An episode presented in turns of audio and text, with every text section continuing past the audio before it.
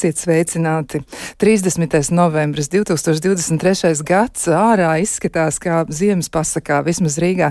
Ja jūs esat eh, kaut kur tepat vai esat arī kaut kur citur, bet sniega aumaļām, nu esiet uzmanīgi atcerieties par to, ka jums ir jābrauc prātīgi, mēģiniet pamanīt arī citus cilvēkus un eh, tiešām padomājiet par to, vai ir vērts vilkt to savu karieti bez zirga ārā no stēliņa, lai nu paliek tur, kur ir. Un, um, Ziemas braukšanas īpatnības nu, arī ir vērts atcerēties. Un varbūt kādam arī ienāk prātā doma, nu, ka varbūt jāpatrenējas, kā tad, eh, tas ir izbaudīt eh, sniegu un ledu, bet tādos drošos apstākļos, lai visiem tiešām ir droša diena un cerēsim arī, ka ziema maz drusciņi nu, pagaidīs un apžēlosies un atgriezīsies varbūt uz Ziemassvētkiem. Bet eh, šodien mēs runāsim par ko citu. Un, um, Pirms es pieteikšu tematu, tad arī atgādināšu, esmu Kristiāna Lapiņa. Šobrīd runāju ar jums, raidījuma producenti ir Loreta Bērziņa, savukārt pie skaņu pūts būs Rita Karneča. Un e, mūsu temats šodien būs vairāk veltīts tam, mēs pētīsim pacientu un ārstu attiecības. Un, protams, ka tas ir pamats sekmīgam ārstēšanas procesam. Ja šīs attiecības ir labas, tad e, šķiet, ka var panākt ārkārtīgi daudz. Savukārt, ja tur kaut kas īsti nav tā, kā vajag, Nu, tad pacientam var arī nebūt iespēja atgūt dzīves kvalitāti, un tam var būt arī dažādas citas sekas, ja, sākot no medikamentu nelietošanas, ārstēšanas neturpināšanas, vai varbūt vispār tādas neticības veselības aprūpē kā tādai. Un uh, mēģināsim saprast, kas tad veido pacientu un ārsta attiecības, un mm, jāatzīst arī, ka šis temats jau ir kādu reizi iepriekš analizēts, un um, Mēs to esam darījuši 2014. gada 19. februāra raidījumā, un es arī eh, raidījuma gaitā atsaukšos uz dažām lietām, kas tur ir tikušas pieminētas, un eh, paskatīsimies, vai kaut kas laika gaitā ir mainījies. Bet es gribu pieteikt arī viesus, jo ir absolūti brīnišķīga komanda šodien studijā, un es ticu, ka būs tiešām ļoti, ļoti daudz vērtīgas idejas un arī vērtīgi komentāri par situāciju, kāda ir pašlaik. Un, eh, nu, tad uzreiz arī piesaku Latvijas ārstu biedrības prezidenta ģimenes ārsta Ilzais Silnietis. Sveicināt! Labrīt! Vēl pie mums ir arī Bērnu Klīniskās universitātes slimnīcas pacientu pieredzes un klienta daļas vadītāja Vita Steina. Sveicināt! Labrīt! Es atvainojos, šis amats man jau nav uh, vairāk kā gadu. Es Opa. esmu pacientu pieredzes speciāls, bet jā, es biju ļoti gandarīta, ka man bija iespēja būt šajā amatā vairākus gadus bērnu slimnīcā. Nu, rekā, bet tas, tas tomēr ir ļoti svarīgi, ka mēs to pateicām. Es, es jau varēju pielikt arī klāt bijusi, ja? un tad, jā. tas patiesībā arī to pašu situāciju, man liekas, skaidro vēl labāk, jo jums ir ļoti, ļoti būtiska pieredze par to, kā tad veido šīs attiecības attiecības. Vēl pie mums ir arī ģimenes ārsta Linda Šauriņa. Sveicināt! Labrīt! Un vēl esam arī sarunā aicinājuši piedalīties Pāvils Stradīna Kliniskās universitātes slimnīcas virsārsta akūtajā ķirurģijā Andreju Brīkunu. Sveicināt! Labrīt! labrīt. Nu, lūk, e, varbūt mēs varam arī sākt ar to, ka, nu, es atgādināšu dažas lietas, kas tika noskaidrotas iepriekš, ja tātad gandrīz desmit gadi pagājuši ir, un e, šis un tas ir palicis tāds, nu, joprojām, nu, prātā paliek, ja un gribās par to vairāk parunāt. Nu, tur dažas lietas es atzīmēju, kas tika izrunātas, un tad mēģināsim pētīt, vai kaut kas ir mainījies, un iespējams, ka sarunas gaitā mēs to varēsim varēsim tā lieliski tur iejaust iekšā. Nu, piemēram, bija pretenzijas par vizītes laiku, jā, tātad, eh, ka vizītes laiks ir nepietiekams. Eh, tad vēl arī bija eh, runa par nosūtījumu nesaņemšanu, jā, par kvotām kuras ir beigušās, un cilvēkiem nāks gaidīt eh, diezgan krietnu laiku, lai viņi varētu tikt uz izmeklējumu. Dažos gadījumos nu, tas ir nu, diezgan nopietni, ja šī situācija nav tāda eh, pati jaukākā. Tad vēl arī tajā laikā, tātad gandrīz pirms desmit gadiem, tika arī eh, uzsvērts profesionālā līmeņa atšķirības, ka ir ļoti dažādas pieredzes, sākot no tiešām ļoti labām, sevišķi runājot par ģimenes ārstiem, kur ir brīnišķīgi iesaistījušies un tiešām ļoti, ļoti daudz mēģina palīdzēt savam pacientam, un viņa dzīves kvalitāte nu, absolūti fenomenāli izmainās ja, uz, uz Ļoti, ļoti labu, e, bet ir arī nelāgas pieredzes. E, tad vēl bija arī nu, tādas, tādas lietas par birokrātiju, jau slimības lapu izsniegšanu tajā laikā, un es atceros arī, ka, man liekas, doktorai aizsilniecei tur bija ko teikt, viņa arī ierosināja, ka citādāk vajadzētu šīs lietas darīt. Nu, mēģināsim saprast, vai tas ir mainījies. Tāpat arī vēl bija piezīme par hierarhisko attieksmi, ja, kas varbūt nāk no seniem laikiem, kad, kad ārsts likās, nu, gandrīz vai dieva vietnieks, jo tiešām tā bija, viņš zināja daudz, un cilvēks savukārt, kas bija sasirdzis, nu, viņam, nu, nācās uzticēties tieši tāpat, kā viņš to dara tad, bet nu, tad varbūt tā hierarhiskā attieksme. Um, ir, eh, ir tomēr eh, mainījusies un skatīsimies, kas ir ar to. Un vēl arī, protams, par skolu situāciju. Ja, veselības mācība, nu, gandrīz vai kā tāds dinozaurs, eh, es atceros, ja, ka manā laikā tas bija. Tagad nevar īsti sameklēt, ja, kur tā veselības mācība būtu paslēpusies. Liekas, ka ar šo arī nav viss izcili. Nu, lai kā būtu, šīs ir tās lietas, par ko runājām pirms desmit gadiem. Šodien runāsim nu, par tām aktualitātēm, kas ir pašlaik, un varbūt, ka ir kaut kādi komentāri ar par šo te, kas ir bijis iepriekš. Nu, lūk, bet pēc šī ievada vada, es gribētu uzreiz arī dot vārdu. Um, pacientu pieredzes speciālistē Vitai Steinai. Nu, tad kas veido pacientu pieredzi? Un varbūt mēģiniet to darīt nu, tā ļoti, ļoti lakoniski aprakstīt šo pacientu pieredzes sastāvu. Jā, nu, pacientu pieredze pavisam lakoniski runājot ir jebkas, jebkurš saskarsmes punkts veselības jomā, kurā ir iesaistīts pacients un arī uh, ik viens uh, pakalpojums sniedzējs ja mēs neņemam vērā klīniskos rezultātus. Vispārējais ir pacienta pieredze. Tātad, sākot no, no pieejamības pakalpojumu līdz pat tam, vai es slimnīcā jutos paēdis. Ja? Nu, tā kā pilnīgi jebkura joma. Tā tiešām ir ļoti plaša, un mēs speciālisti viņu arī devējam pa 360 jomu, jo, jo nu, ir grūti izslēgt kādu faktoru, piemēram, vai man bija kur nolikt automašīnu, tad, kad es braucu uz slimnīcu vai uz ambulatoro daļu, kā ar mani runāja, vai es sapratu vispār man teikto informāciju, kāda bija attieksme, vai man bija bail, vai man sāpēja. Tā visa ir pacientu pieredze. Un pavisam īsi runājot, mēs tiešām Latvijā varam lepoties, mums ir labs stāsts. Es ceru, ka šo desmit gadu laikā mēs varam skaļi sev arī aplaudēt par šo. Mēs 18. gadā Latvijā, tobrīd vēl bērnu slimnīcā, bet no 20. gada Latvijā mēs visā Latvijā slimnīcām devām iespēju, un tas arī būs no nākamā gada obligāts pasākums, ieviest pacientu pieredzes aptauju. Tātad pacienta balss ir svarīga, un mums ir iespēja noskaidrot, izņemot šos tātad klīniskos rezultātus, visu pārējo, kā tad gāja pacientam veselības aprūpas jomā. Jā, paldies par skaidrojumu. Tātad ļoti, ļoti precīzi. Bet, eh, nu, kas tad vēl arī būtu sakāms pārējiem kolēģiem par to, kā jūs eh, nu, saskatāt šo pacientu un ārstu nu, attiecību veidošanos, kas jūsuprāt arī no, balstoties uz jūsu pieredzi, jums katram ir savu pieredze par to, kā ir būt attiecībās ārstam ar pacientu un kas ir jūsuprāt tas būtiskākais, ko jūs novērojat? Nu, es droši vien ne tikai no savu kā ģimenes ārsta viedokļa, bet no Latvijas ārstu biedrības puses mēs uh, esam sākuši darbu pie uh, tādas uh, sabiedriskas kampaņas, kas uh, sauksies Saprast un atbalstīt. Mm, ir absolūti skaidrs, ka šajos gados, kad veselības aprūpē ir izcils finanšu trūkums bijis, uh, ir ļoti liela profesionālā slodze bijusi. Kolēģi ir noguruši.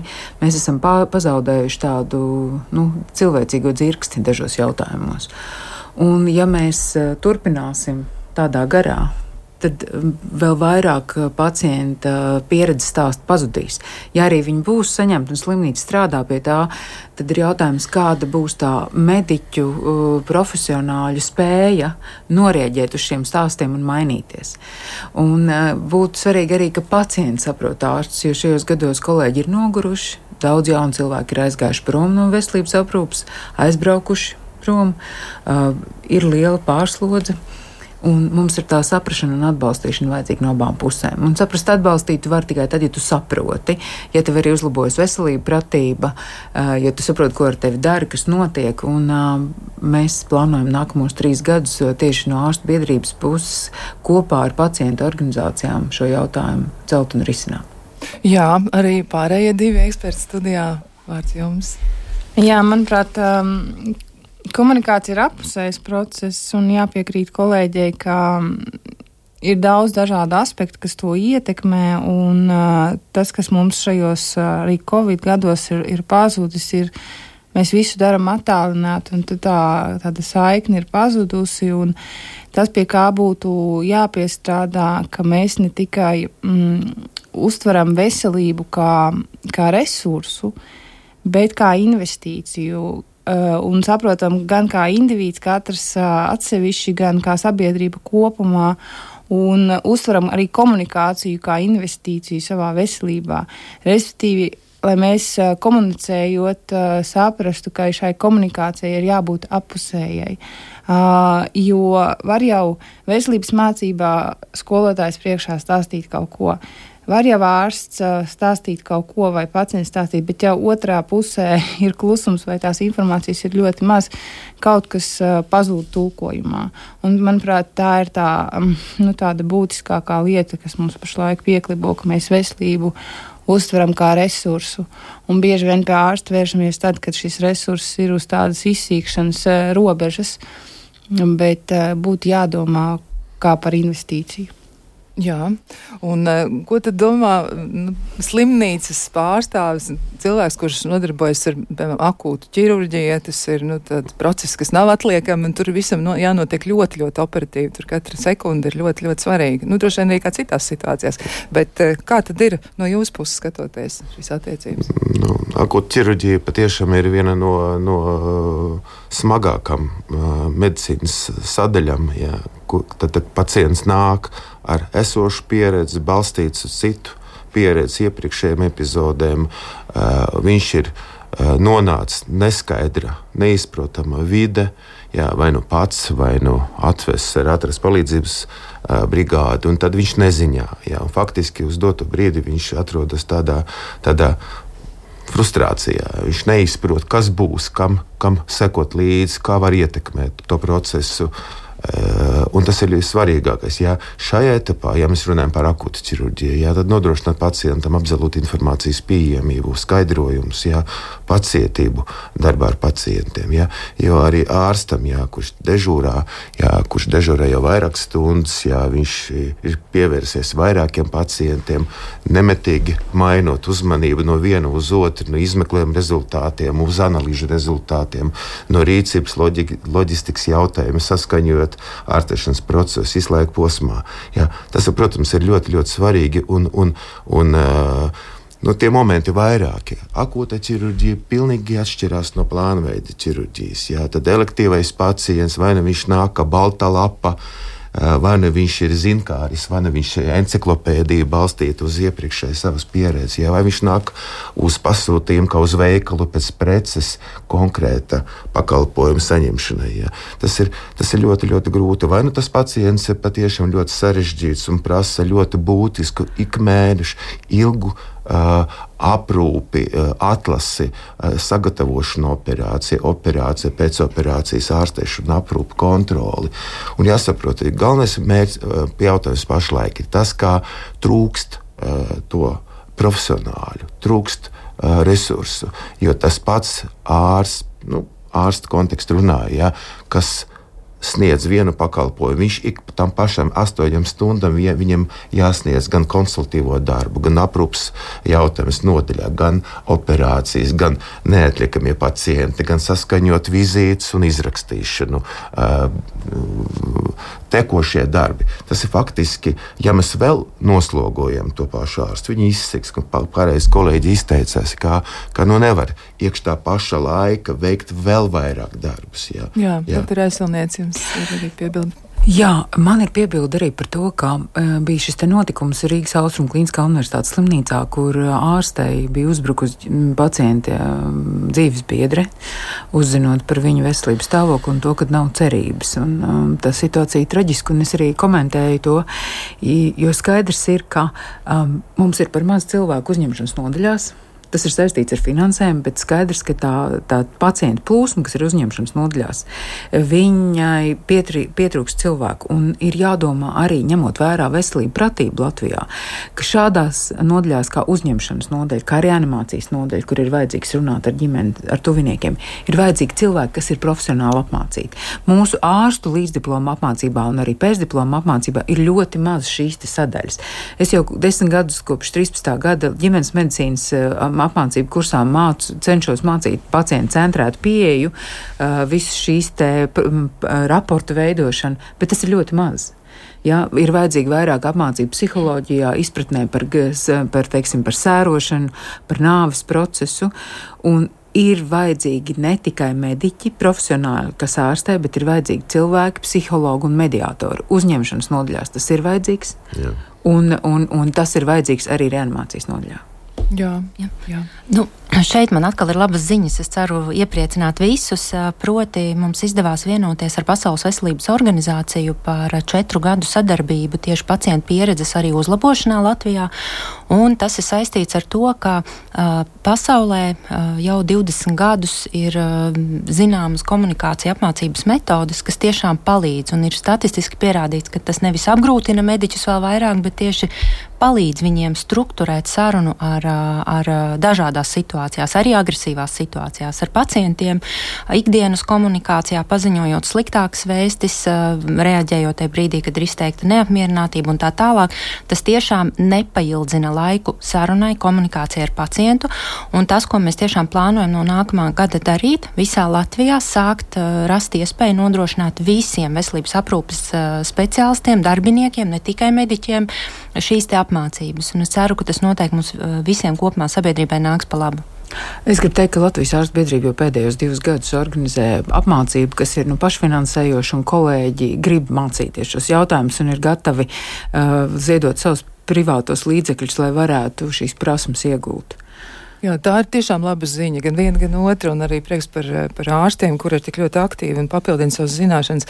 Varbūt arī no ģimenes ārsta viedokļa raugoties ir kaut kas piebilstams, jo kas ir nu, tāda būtiska problēma, par ko tika runāts arī iepriekš, un ja es atcaucos uz to iepriekšējo pieredzi, tad uh, reizēm ir tā, ka pacientam nu, neizdodas izstāstīt visu, kas ar viņu notiek, un ir tie, nu, tie nelāgie pieredzes stāsti, kur cilvēki saka, ka viņi nav varējuši pateikt visu, kas viņiem ir jāsaka, jā, vai arī nu, viņi nav varējuši saņemt, kā viņiem šķiet atbilstoši attieksme. Varbūt jums ir kāds komentārs. Nu, kas būtu tas minimums, ja, kas, kas būtu jādara cilvēkam, kad viņš dodas pie, pie savu doktora, ja, kas, kas varētu palīdzēt šīs attiecības arī veidot? Par... Jā, es mazliet gribēju pieskarties šim veselības pratības jautājumam, par ko pašlaik tiek runāts vairāk, vairāk veselības mācības kontekstā, bet uh, gribēju pastāstīt, ka tas principā ir ļoti plašs jēdziens un, uh, un tas ir ietver sevī daudzas darbības, uh, respektīvi izšķirt to individu, jeb pacienta veselības pratību un organizācijas, jeb ārsta vai nu, poliklīnikas, slimnīcas vai kā savādāk veselības pratību. Un abi šie jēdzieni saka tā, ka tā ir spēja atrast, saprast, un pielietot šo informāciju. Un, ja kādā no šiem posmiem ir kļūda, jeb nu, tāda nu, nesaprašanās vai ne, neizpratne par kaut ko, vai, vai teiksim, nav šīs prasmes, eh, tad šī komunikācija, protams, būs apgrūtināta. Un, eh, kas vēl ir jāsaprot, šī veselības pratība ir process. Tas nav iemācāms kā alfabēts, tas ir process, kas ir jāattīsta. Un, uh, lai ilustrētu, es pastāstīšu pagājušās nedēļas pieredzi. Man bija jāgriežās ar meitu divos dažādos stacionāros. Un es ceru, ka daudz kolēģi to neklausās, bet es parasti izvēlos neteikt, ka es esmu mediķis. Un uh, iemesls ir ļoti vienkāršs. Tāpēc, ka es gribu, lai mans vīrs saprot, kas notiek ar manu bērnu, uh, lai viņam ir skaidrs. Tas, ka man varbūt būs skaidrs, un varbūt man pat nebūs skaidrs, jo tā ir akūta situācija, Iespējams, es visas savas zināšanas tajā brīdī izslēgšu. Un tas ir jāapzinās tajā brīdī, kad pacients ienāk kabinetā, ka iespējams viņš ir um, ar ļoti daudzām slimībām, ar ļoti lielu pieredzi. Viņš ir varbūt ļoti līdzjūtīgs pacients, bet tajā brīdī, kad viņš ir griezies ar kaut kādu, varbūt jaunu, varbūt vecu problēmu, bet mēs viņam sniedzam jaunu informāciju, Viņam tā ir pilnīgi jauna situācija, un no tā arī ir jāiz, nu, kā, jāiziet arī komunikācijā. Bet uh, ko gribās teikt pacientiem? gribās teikt tā, es vienmēr saviem pacientiem saku tā. Pirmkārt, nav dumju jautājumu. Otrkārt, jūs droši drīkstat visus savus jautājumus sarakstīt uz lapiņas. Jo tajā brīdī, kad ienāk ārsta kabinetā, visi tie jautājumi, vai vismaz pusi no, nu, izlido ārā no galvas. Un tad, kad iziet, tad visu atcerās. Un vēl ir viena lieta, ka tad, kad sēž aiz ārsta kabineta durvīm, tas laiks ļoti velkās. Bet tad, kad ir iekšā kabinetā, tas laiks ļoti paskrien. Un, eh, un tieši tāpēc ir eh, vērts arī pašam sagatavoties. Gan tie lietotie medikamenti, gan tie jautājumi. Un, uh, iespējams, dažreiz ir vērts paņemt līdzi kādu radinieku, jo ir pierādīts, ka no tās informācijas, ko ārsts uh, sniedz kabinetā, pacients patiesībā dzird 10%. Un īpaši tas attiecās uz šādiem smagiem gadījumiem, uh, tā skaitā reanimāciju, tā skaitā onkoloģiju, uh, kur saņemot šīs nevisai iepriecinošās ziņas, tur tiek aizmirsts gandrīz pilnīgi viss, un tas ir loģiski. Un uh, tas tiktu aizmirsts ne tikai vienkāršam pacientam, bet arī ārstam ar vislielāko veselības pratību un uh, vislieliskāko atmiņu. Tā tādi, tādi aspekti ir jāņem vērā, manuprāt. Jā, es zinu arī, ka daži pacienti lūdzu atļauju, vai viņi var ierakstīt šo sarunu pie ģimenes ārsta, piemēram, un ja ģimenes ārsts, nu, neiebilst, viņš saka, nu, kāpēc gan nē, ja tad arī tā vieglāk izdodas, atceries, var pārklausīties vēlreiz, ja pieņemsim rekomendācijas, ko tiešām citreiz ir grūti paturēt prātā. Jā, Vita man neļaus samelot, ka es vienkārši esot vairāk stundas bērnu slimnīcā arī uh, uzsvēru jaunu informāciju, ka arī uh, likumā ir noteikts, uh, ka, nu, bez brīdinājuma jūs drīkstat uh, filmēt, darīt uh, nu, ar, sav, ar saviem datiem visu. Sevi varat filmēt, bērnu var filmēt, jūs nevarat filmēt uh, uh, šo personālu vai citus. Uh, bet, ja tiek eh, nu, lūgta atļauja un tas tiek nu, brīdināts, es nesaredzu šeit problēmu. Jā, jā protams, tā. jā, par datiem jādomā un drošība, bet, nu, ja tiešām tas pacientam atvieglo dzīvi, viņš labāk saprot, kas ir jādara, tad noteikti to var arī izmantot. Nu, te tāds arī konkrēts jautājums ir par to, nu, piemēram, par atbildības sadalījumu. Ja ir tāds konkrēts situācijas, un tas, protams, ir tas, ko arī pacienti vaicā. E, nu, tā tad interesē, kurš ir atbildīgs par nepareizu vai nepiemērot izvēlētā ārstēšanu, un arī, nu, piemēru mums klausītāji izstāst, ja sāk lietot medicīnu medikamentu ziņoja ģimenes ārstam par būtiskām blakus parādībām. Atbilde bija, ka jāturpina lietot, jo cits ārsts ir rekomendējis. Pēc pusotras nedēļas nokļūstot slimnīcas uzņemšanā, man saka, ka nekavējoties ir jāpārtrauc lietot attiecīgais medikaments un secina, ka viena blakus parādība, kas bija parādījusies pēc nedēļas zāļu lietošanas un ziņošanas ārstam, ietekmē manu ikdienu un pilnībā tā vēl nav izzudusi. Un tad jautājums, kurš par to ir atbildīgs? Ja viens ārsts ir nozīmējis medikamentu, un otrs saka, nu nē, šo lietot nevar, jo viņš secina, ka kaut kas nav labi. Nu, es nezinu par to atbildi. Nu, par to atbildi, protams, ka uh, par blaknēm ir jāizrunā, bet par blaknēm arī ir jāmācās. Jo tas nemaz nav tik vienkārši. Un, uh, arī ģimenes medicīna mācot studentiem, sestajā kursā mums viens no jautājumiem ir racionāla zāļu lietošana. Un es tur esmu viņiem apnikusi, viņiem ir droši vien garlaicīgi, bet es viņiem stāstu, stāstu par to, ka ir cilvēkam auss, troksnis ausīs. Viņš tiek aizsūtīts pie ļoti daudziem speciālistiem, bet neviens nav paskatījies, ka viena no blaknēm medikamentam, kas ir domāta viņa asinsspiediena samazināšanai, ir troksnis ausīs. Ja? Un tās ir lietas, kuras um, arī ir jā, nu, teiksim, jāuzsver. Un, un arī tālāk izglītībā mēs centīsimies to vairāk atgādināt, ka medikamenti ir ļoti laba lieta. Viņi ir tāpēc, ka viņi, viņu nu, lietošanas labums ir lielāks nekā tās plaknes, bet vienmēr padomājiet, tomēr, kad veidojās tā problēma. Un arī mums ir jāciena pacienta interesi par blaknēm. Reizēm tā nu, ļoti sarežģītajā, kolēģis noteikti zina, nu, it sevišķi akūtajā ķirurģijā, tur ir tik ātri viss jārēģē, ka tev īsti nav laika izrunāt, tāpēc to palīgi runāšanā reizēm vajag. Bet, uh, nu, mums pašiem ir vairāk jāmēģina pievērsties visām tām lietām un jāciena. Uh, nu, teiksim, pacientu vēlmu uzzināt vairāk. Tas arī mums ir jāmācās, es domāju. Jā, Vita. Jā, es eh, varbūt eh, pa, nedaudz paplašināšu vārdu blakne un uh, līdzīgas problēmas. Proti, ja pacienta pieredzes aptauju saucas prems, tad ir tāda vēl viena aptauja, kur ir pacienta balss, un tā ir proms. Un tā savukārt ir uh, pacientu sniegtā ziņotā atgriezeniskā saite uh, tieši par klīniskiem iznākumiem. Un mums Latvijā pagaidām vēl nav nevienā iestādē, nekur nav vēl proms uh, tāds plašs uh, ieviests. Bet tā, tā ir tā lieta, kam būtu jābūt.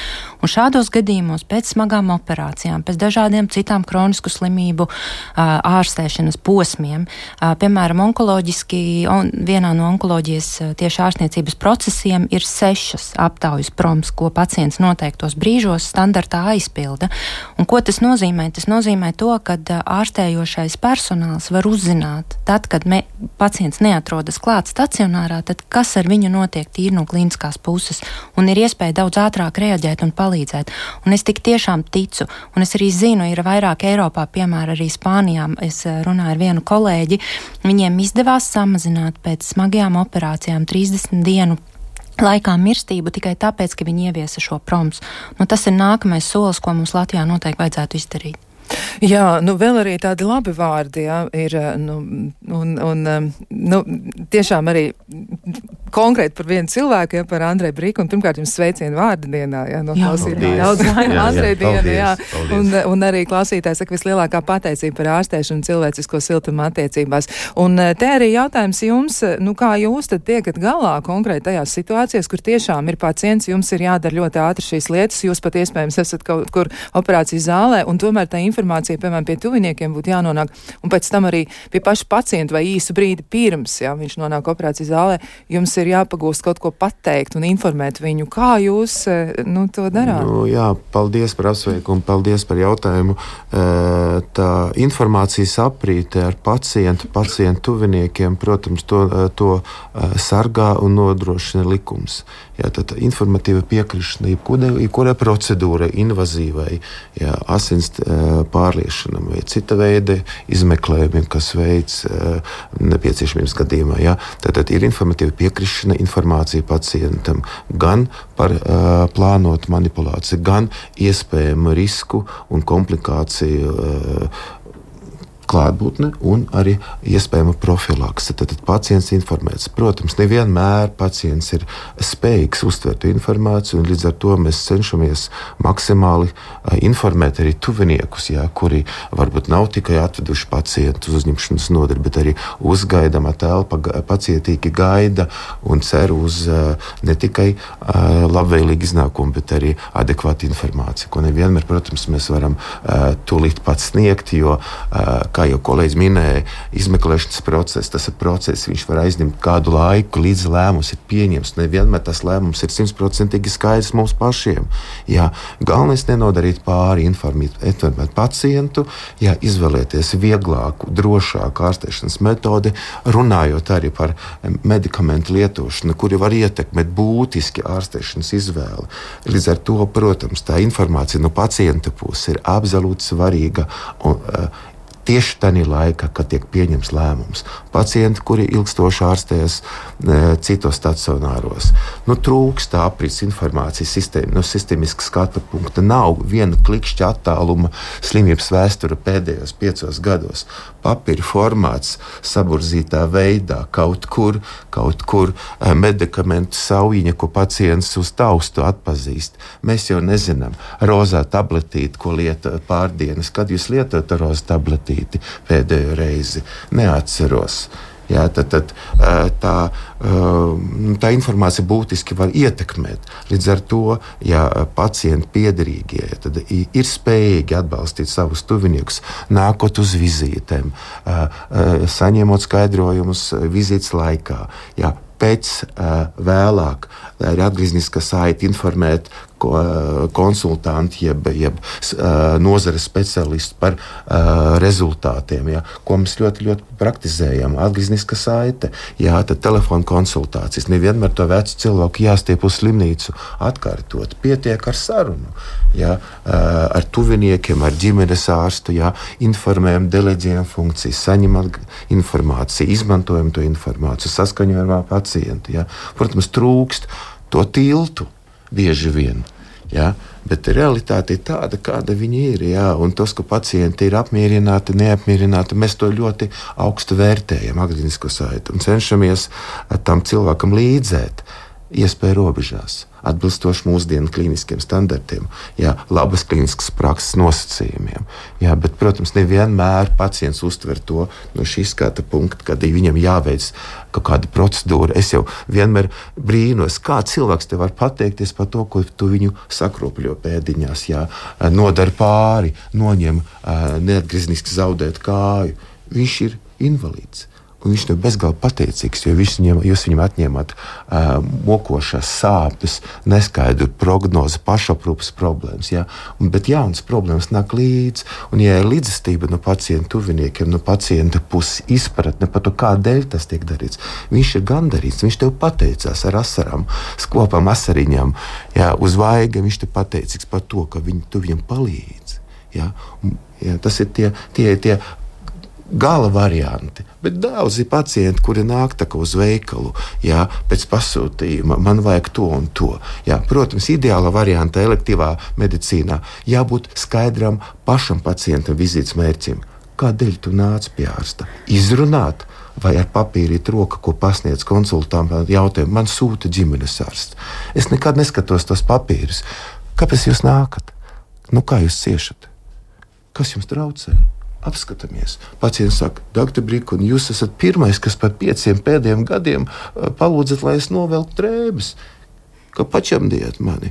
Tā attālināta medicīna, papīra medicīna, algoritma medicīna ārstē izmeklējuma rezultāts, analīžu rezultāts veido ārstēšanas algoritmus balstīts uz uh, pieredzes rekomendācijām. Pacients jau pie tā ārsta tiek ar laiku, bet arī tiek ārstēts ja, tādā, tādā uh, nekontakta uh, plāksnē. Un tas ir ļoti slikti. Ja. Tas ir ļoti slikti. Protams, tas atkarīgs no uh, medicīnas nozares. Ja. Ja, bet uh, kliniskā praksē, strādājot universitātes kliniskajā slimnīcā, protams, mēs daudz ko varam pie nosacījuma, ka mēs spējam saprast, kas tieši vajadzīgs pacientam.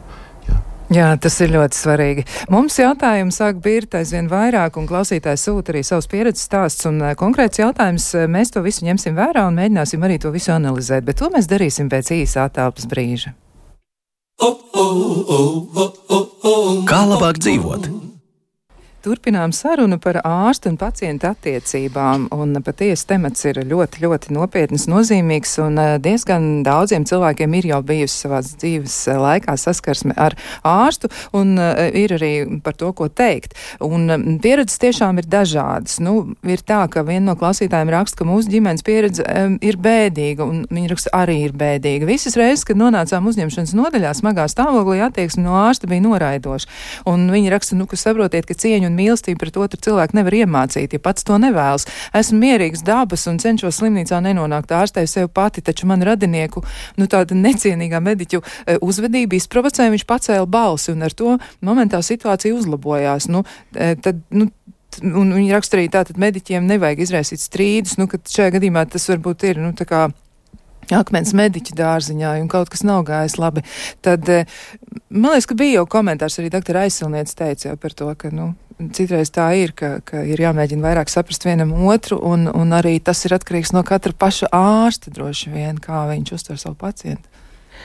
Jā, noteikti tas ir atkarīgs no katra ārsta, bet es domāju, ka arī mūsu darbā, lai mēs saprastos labāk konsultācijas laikā, konsultācijas beigās mums vajadzētu saprast, kāds ir tas darbības plāns, nu, teiksim, nākošajam periodam. Varbūt tās var būt piecas dienas, tās var būt desmit dienas, tie, tas var būt mēnesis vai, vai ilgāk.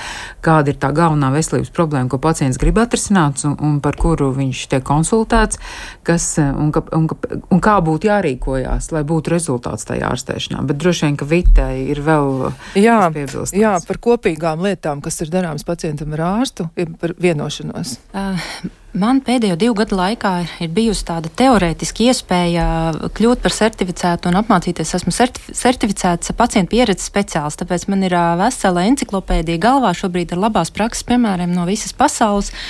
Diemžēl ne no Latvijas pagaidām, bet es ļoti, ļoti ceru, ka mums būs tā iespēja tiešām Latvijā viņas arī praktiski realizēt, un tad mēs varēsim runāt par Latvijas piemēriem.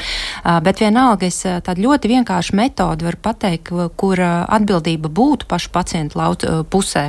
Un Un eh, ir skaidrs, kā, kā arī ārsti iepriekš minēja, ka tā, ir, eh, tā, tā nav vienpusēja atbildība. Ja? Tā nav tikai mediķu atbildība palīdzēt pacientam. Pacientam pašam ir arī jāieguldās un tiešām jādara viss lietas labā, lai arī pats sev palīdzētu. Un uh, ir šī metode, saucas pavaicā man trīs jautājumus. Pirmais ir, kas ir mana veselības problēma? Otrs ir, kas man ir jādara, lai šo veselības problēmu risinātu. Un trešais ir, kāpēc man tas ir jādara.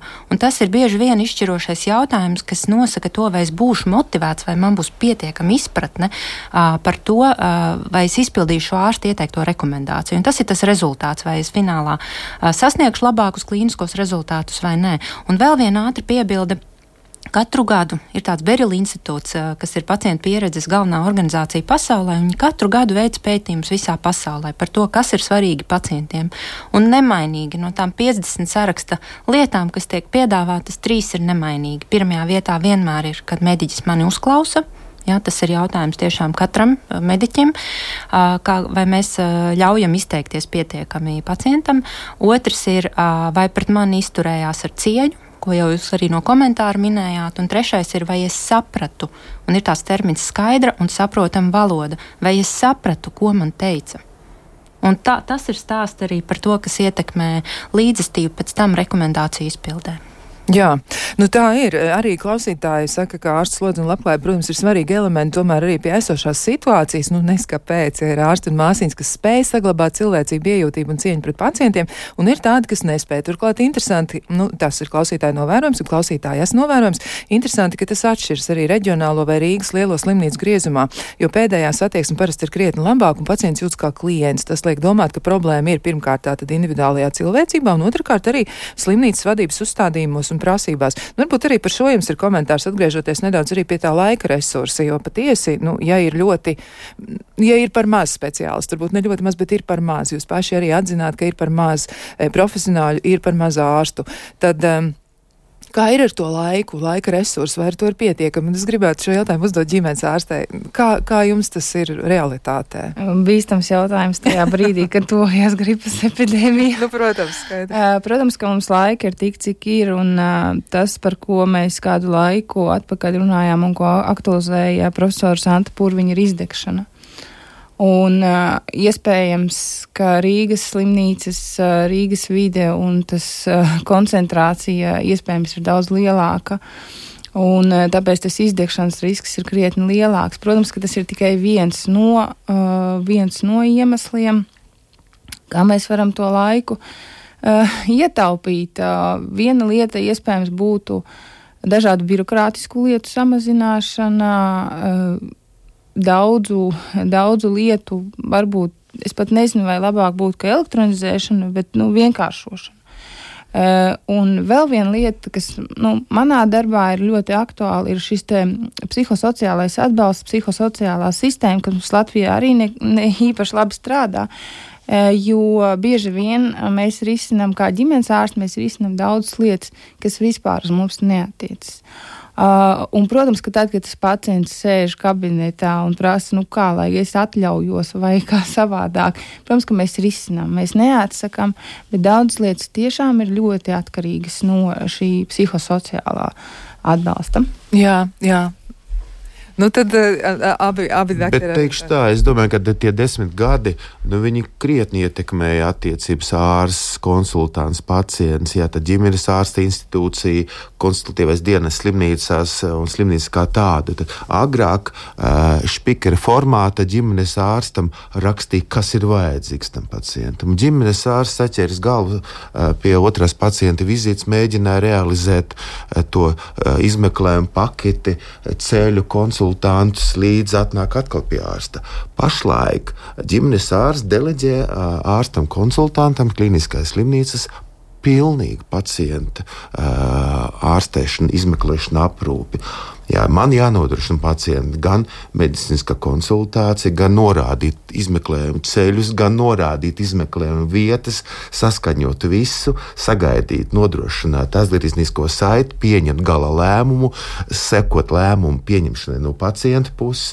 No ģimenes ārsta atbalsts faktiski uz dotu brīdi, no minimāli pēdējā laikā, gan izmeklējumi e-veselībā, gan analīze e-veselībā, gan darba nespējas labs.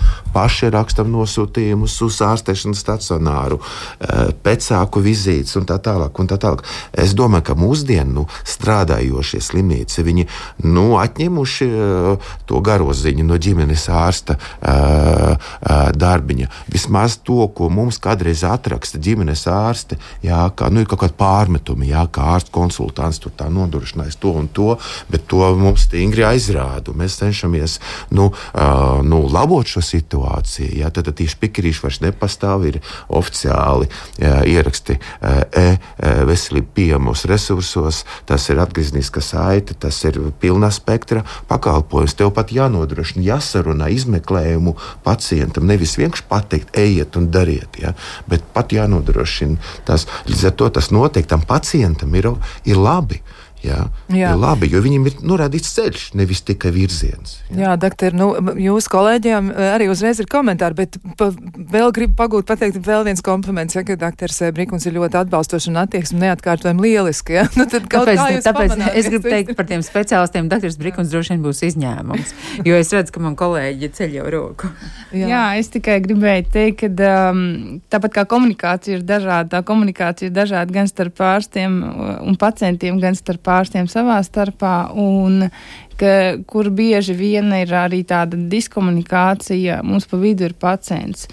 Un uh, sanāk tāds klusais telefons, un uh, dažreiz arī gadās pārpratumi, bet runājot par, par izmeklējumu nodrošināšanu no speciālistu puses, uh, tas, ko minēja aizsilnieces kundze, mēs dzīvojam ārkārtīgos trūkuma apstākļos, un, un uh, principā mēs jau zinām, ka jūlijā mēs varam nodrošināt ambulatoru nu, pakalpojumus janvārī.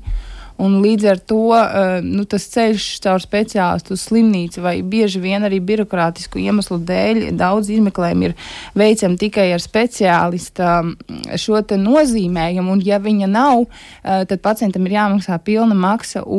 Šī ir tā birokrātiskā lieta, kas, uh, kas apgrūtina, nu, neapgrūtina, bet noslogo gan ģimenes ārstus, gan speciālistus. Nu, es varbūt vienu piemēru. Man ir skaidrs, ka man ir pacienti, kurai ir vajadzīga neiroloģa konsultācija, bet neiroloģis man saka, lai man tā konsultācija būtu mērķiecīga, lūdzu, norganizē magnētiskos rezonanses izmeklējumu galvai. Un pacientei pat ir apdrošināšana. Par valstu vispār neiet runa, ka viņi varētu aiziet ar ģimenes ārstu nosūtījumu, jo kopš 2009. gada ģimenes ārstus magnētisko rezonanci nevar nosūtīt, jo viņi tiek uzskatīti no Nacionālā veselības dienesta par pārāk muļķiem uh, un palielinās šo te visu nepieciešamību. Bet, um, un tā doktori man saka, lūdzu, norganizēs, un, un es viņai zvanu apakaļ, saka, es nevaru, man ir vajadzīga no sākuma tavu konsultāciju. Un viņi man saka, bet tu saproti, ka man konsultācija būs, es paklausīšos, es neizti nevarēšu nozīmēt terapiju, man vajag to magnētisko rezonansu. Un šīs ir spilgts piemērs nevajadzīgai birokrātijai un tam, ka tiek kolēģi, ka, ka neusticās. Nu, tad kāda jēga primārai aprūpē un ģimenes ārstiem? Nu, ir tik vadlīnijas. Jā, jā, nu vēl tomēr es arī atbalstīšu klausītāju, jo man arī šķiet, nu te bija jautājums, ja par ārstu individuālo cilvēcību un slimnīcas vadības līmeņa standartiem, jā, un viņi arī raksta, jūs to aizfutbolējāt atpakaļ uz pārslodzi un izdegšanu. Skaidrs, jā, tā tas ir. Par pārslodzi ārstu trūks, to jūs teicāt, un, un droši vien, ka mēs varam tam piekrist. Bet klausītāji atzīmē, ka viņi vēlējās tieši norādīt, ka ka ne visu var norakstīt uz pārslodzi, jo tā ir ērtā runa ārstiem. Pilnīgi piekrītam. Tāpēc mēs uh, no ārstu biedrības puses un arī sarunās ar pacientu organizācijām gribam uzsākt to pa, saprast un atbalstīt. Jo mēs arī skaidrojam šodien, ka ir ļoti liela problēma, ka mums nav šīs prasmes. Un uh, ir runa, kā jau Vita pieminēja, kad ir svarīga tā uh, organizācijas kultūra, arī um, tā spēja pacientu likt centrā tā centrētā pieeja. Un tas ir saistīts ar, ar, ar slimnīcas kultūru, un es pilnīgi pie, piekrītu uh, radio klausītājai. Bet uh, nav jā, nu, tas ir jādara visiem kopā. Mums visiem kopā ir jāmainās un jāsaredz tas, uz kurien mēs ejam. Jo, ja mums nebūs tā izpratne un atbalsts vienam otram, tad arī uh, nu, tie klīniskie rezultāti nebūs tik labi. Jā, nu vēl arī par izglītību, ja tāda, tāda, tāda piezīme ir, ka jaunajiem ārstiem psiholoģiju māca tikai vienu semestri, desmit gadu studiju laikā, un nav brīnums, ka ārsti nemāk komunicēt ar pacientiem. Nu, tāda piezīme arī varētu būt diezgan tāda, nu, pamatot savā ziņā. Kaut gan ir arī labas pieredzes, jā, klausītāji raksta. Mēs piekrītam, šim mēs jā, piekrītam. Jā, jā un, un, un viena no klausītājiem raksta, vien vienmēr ir veicies, jo esmu sastapusies tikai ar labiem ārstiem un mediķiem, gan vairākas reizes slimnīcās, gan ambulatori. Manā pieredzē visi mediķi ir kā dieviņi, kur glāb cilvēks, un paldies viņiem. Nu, arī šie vārdi ārstiem ir jādzird. Jā, tas tiešām ir svarīgi, ka viņi arī saņem šādu atgriezienisko saiti. Bet te jautājums nu, no ķirurģijas puses, ja tā teikt, e, kāpēc uzņemšanās tradiņos nelaiž iekšā pie mātes, kurai ir apendicīta operācija paredzēta, ja nu, tā tad ir šāda situācija, un nu, ne, dēls uztraucas, ja viņš netiek pie mammas. Jā. Netiek pie mammas, kurā brīdī dēls nogādājas mammu uzņemšanas nodaļā, paciente veids papildus izmeklējumus, skaidro situācijas būtību gan pacientei, gan piederīgam, informē par turpmāku ārstēšanas plānu, saskaņojot ar pie, pacientu, informējot piederīgo. Klāt telpās, kur ir 11 pacienti, nenoteikti infekcijas riski uz doto brīdi. Jā, rosība notiek nepārtraukti, visu laiku iet kaut kādi fona darbi. Jā, viens piedošana, kliedz, viens raud, viens asiņo, viens vārtās, viens lamājās jā, pēc alkohola pārmērīgas liedošanas. Jā. Tā ir kopējā telpa, nav tāda iespēja, ka secīgi pacients izvērtē un skatās. Jā. Līdz ar to Eh, nav pieņēmami, ka eh, blakus pacientam stāv eh, gadīgais dēls, kurš tur mammas roku un vēlās mammai nodot kaut ko papildus. Jā, jā jo ir uzgaidamas telpas, jā, un darbs starp pacientu, piedarīgiem, klientu speciālistu, ārstu, kurš sniedz pakalpojumu vienā brīdī vairākiem pacientiem, nu, tas nav nevienmēr ir iespējams. Jā. Jā. Te ir jautājums par organizāciju. Un es uzskatu, ka uzņemšanas nodaļām ir jābūt tomēr atsevišķiem. Par to es jau mēģinu runāt daudzus gadus. Protams, es esmu zemes cārsts un neko nesaprotu no smalkajām slimnīcām, bet uzņemšanas nodaļā ir jābūt nedaudz citādākai kārtībai. Un es uzskatu, ka ir jāļauj tuviniekiem iet līdzi. Jo, piemēram, ir pacienti, kurai ir um, pieres daivā insults, viņai ir 82 gadi, un, protams, ka viņa ir apjukusi. Un, ja viņai neļauj iet līdzi tuviniekiem, tad tas nav pareizi. Tas ir jānodrošina, un arī tām telpām ir jābūt normālam pacientam, kuram sāp nežēlīgi vēders, jo viņam žulcakmeņi nav jādzird, kā blakus viens kliedz un lamājās eh, dažādos jocīgos vārdos. Un tas ir jautājums par organizāciju, un tas ir par citādas struktūras uzņemšanas nodaļām, par to, kāds ir privātums nodrošināts pacientiem uzņemšanas nodaļām un iespēja būt kopā ar atbalstošiem cilvēkiem. Jā, Tas, ko es tikai gribēju pieminēt, ka um, viss tas, par ko mēs šodien runājam, ir process. Viņš visu laiku ir, un man gribās teikt, ka tā kā Rīga nekad nebūs gatava, tāds process vienmēr būs procesā. Uh, bet tas, kas, uh, kas jāsaprot visiem kopā, ka tajām procesā ir jāiesaistās abām pusēm un, uh, un jārunā, un tā ir komunikācija. Un, uh, ja ir slikta pieredze tajā pašā uzņemšanā, uh, es ticu, ka atrodas kaut viens cilvēks pa visu uzņemšanu, kam to pateikt. Kaut kādā formā nodot, nezinu, sanitāram, medmāsai, vēl kaut kam, bet ja tas paliek kaut kur nu, pa vidu, labi ar vienu komunikāciju neizdevās, nu, griežties pie cita, un, un tas ir tas, par ko, nu, par ko būtu jādomā, ka mēs visi, nevis tā kā klausītāji teica, nometām bumbu tur vai šur, bet strādājam kopīgā mērķa sasniegšanai un kopīgi ejam uz to. Jā. Un, un vēl mums viena lieta Latvijā. Ja mūs kāds kritizē un kaut ko iesaka mainīt, to nevajag uztvert kā apvainojumu, bet iespēja mainīties. Jā, tas arī visticamāk būs jādara, un pacientu pieredzes jautājumi būs jāanalizē vēl, bet šajā mirklī man jāsaka liels paldies ir studijas viesiem, gan Latvijas ārstu biedrības prezidentē, ģimenes ārstē Ilzē aizsilniecei, gan arī eh, pacientu pieredzes speciālistē Vitai Steinai, gan ģimenes ārstē Lindai Šauriņai, un arī, protams, Pauls Stradīna Kliniskās universitātes slimnīcas virsārstam akūtajā ķirurģijā Andrejam Brikunam. Klausītājiem paldies par iesaistīšanos, par jūsu jautājumiem un arī par pateicības vārdiem. Te ir arī nosaukti uzvārdi. Es viņus nevaru visus uzreiz nocitēt, bet eh, arī klausītājiem ir brīnišķīga pieredze. Ļoti laba pieredze par ārstēšanu, kas tiešām pat nu, grūti atrast tādu apzīmējošu emocionālu vārdu, kas varētu to paskaidrot un eh, ļaut saprast, cik labi tas ir bijis. Un šādi vārdi arī ir. Paldies arī par to. Lai jums tiešām laba diena! Rīt ir starptautiskā invaliditātes diena, tad jūs arī pētīsiet kopā ar Elvi Ansonu, cik ļoti mēs pamanām cilvēks ar invaliditāti un kas ir darāms, lai vai nu tie cilvēki, kuriem ir pārējoša invaliditāte, vai arī tāda situācija, ar ko nāksies rēķināties pastāvīgi, tiktu pietiekami atbalstīti. Par to visu būs saruna rīt. Lai jums šodien tiešām laba diena, lai droša diena un lai veselība visiem uz redzēšanos!